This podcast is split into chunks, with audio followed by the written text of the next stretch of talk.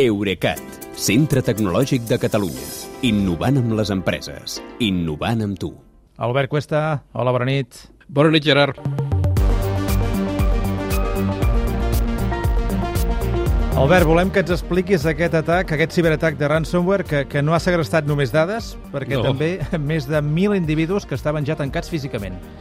Uh, mira, el que va passar és la següent. Uh, la vigília de Reis, uh, l'administració del comtat de Bernalillo, a l'estat nord-americà de Nou Mèxic, va patir un episodi de ransomware, aquesta mena de ciberatacs que en parlem sovint, perquè cada vegada són més habituals, el que, que el que fan és xifrar el contingut de l'ordinador i exigir a la víctima que pagui un rescat per, perquè li, per donar-li la clau uh, per si vol recuperar la informació. Uh -huh. En aquest cas es van veure afectades les bases de dades, els servidors i les connexions a internet de tot el comtat, uh, que inclou, per cert, la ciutat d'Albuquerque, la més poblada de l'estat.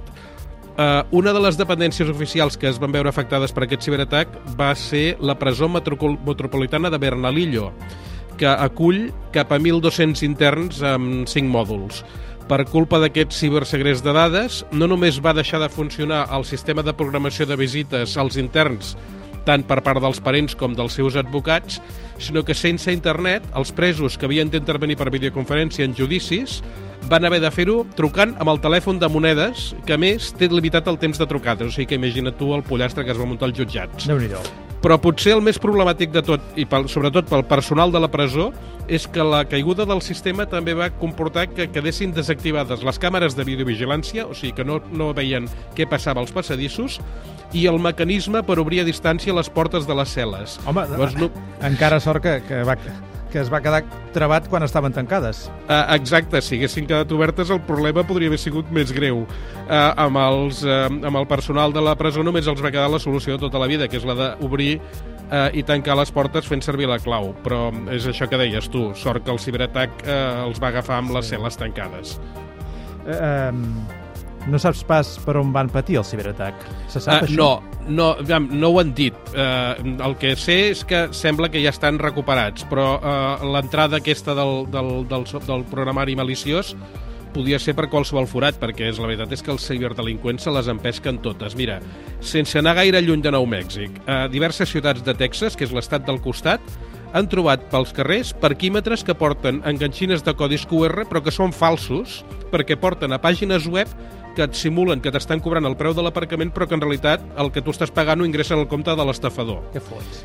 I, i, una altra, que aquesta sí que té a veure amb ransomware, eh, és una modalitat de, de ciberatac per via postal. I això és un avís als oients.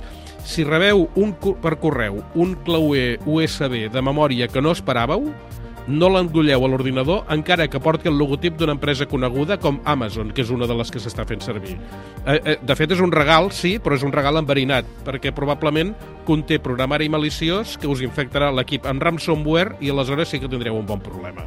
Va, o sigui que si rebem un llapis de memòria, eh, fora. A la, a la, sí, com, com a mínim, assegureu-vos de que teniu l'antivirus de l'ordinador actualitzat a l'ultimíssima versió. I així encara jo m'ho pensaria molt si no és una cosa que jo he demanat. D'acord, doncs Al- Albert, eh, moltes gràcies per, pel cas que ens portes avui. Bon cap de setmana, tornem dilluns. Fins dilluns, Gerard. Bona nit. Eurecat, centre tecnològic de Catalunya. Innovant amb les empreses. Innovant amb tu.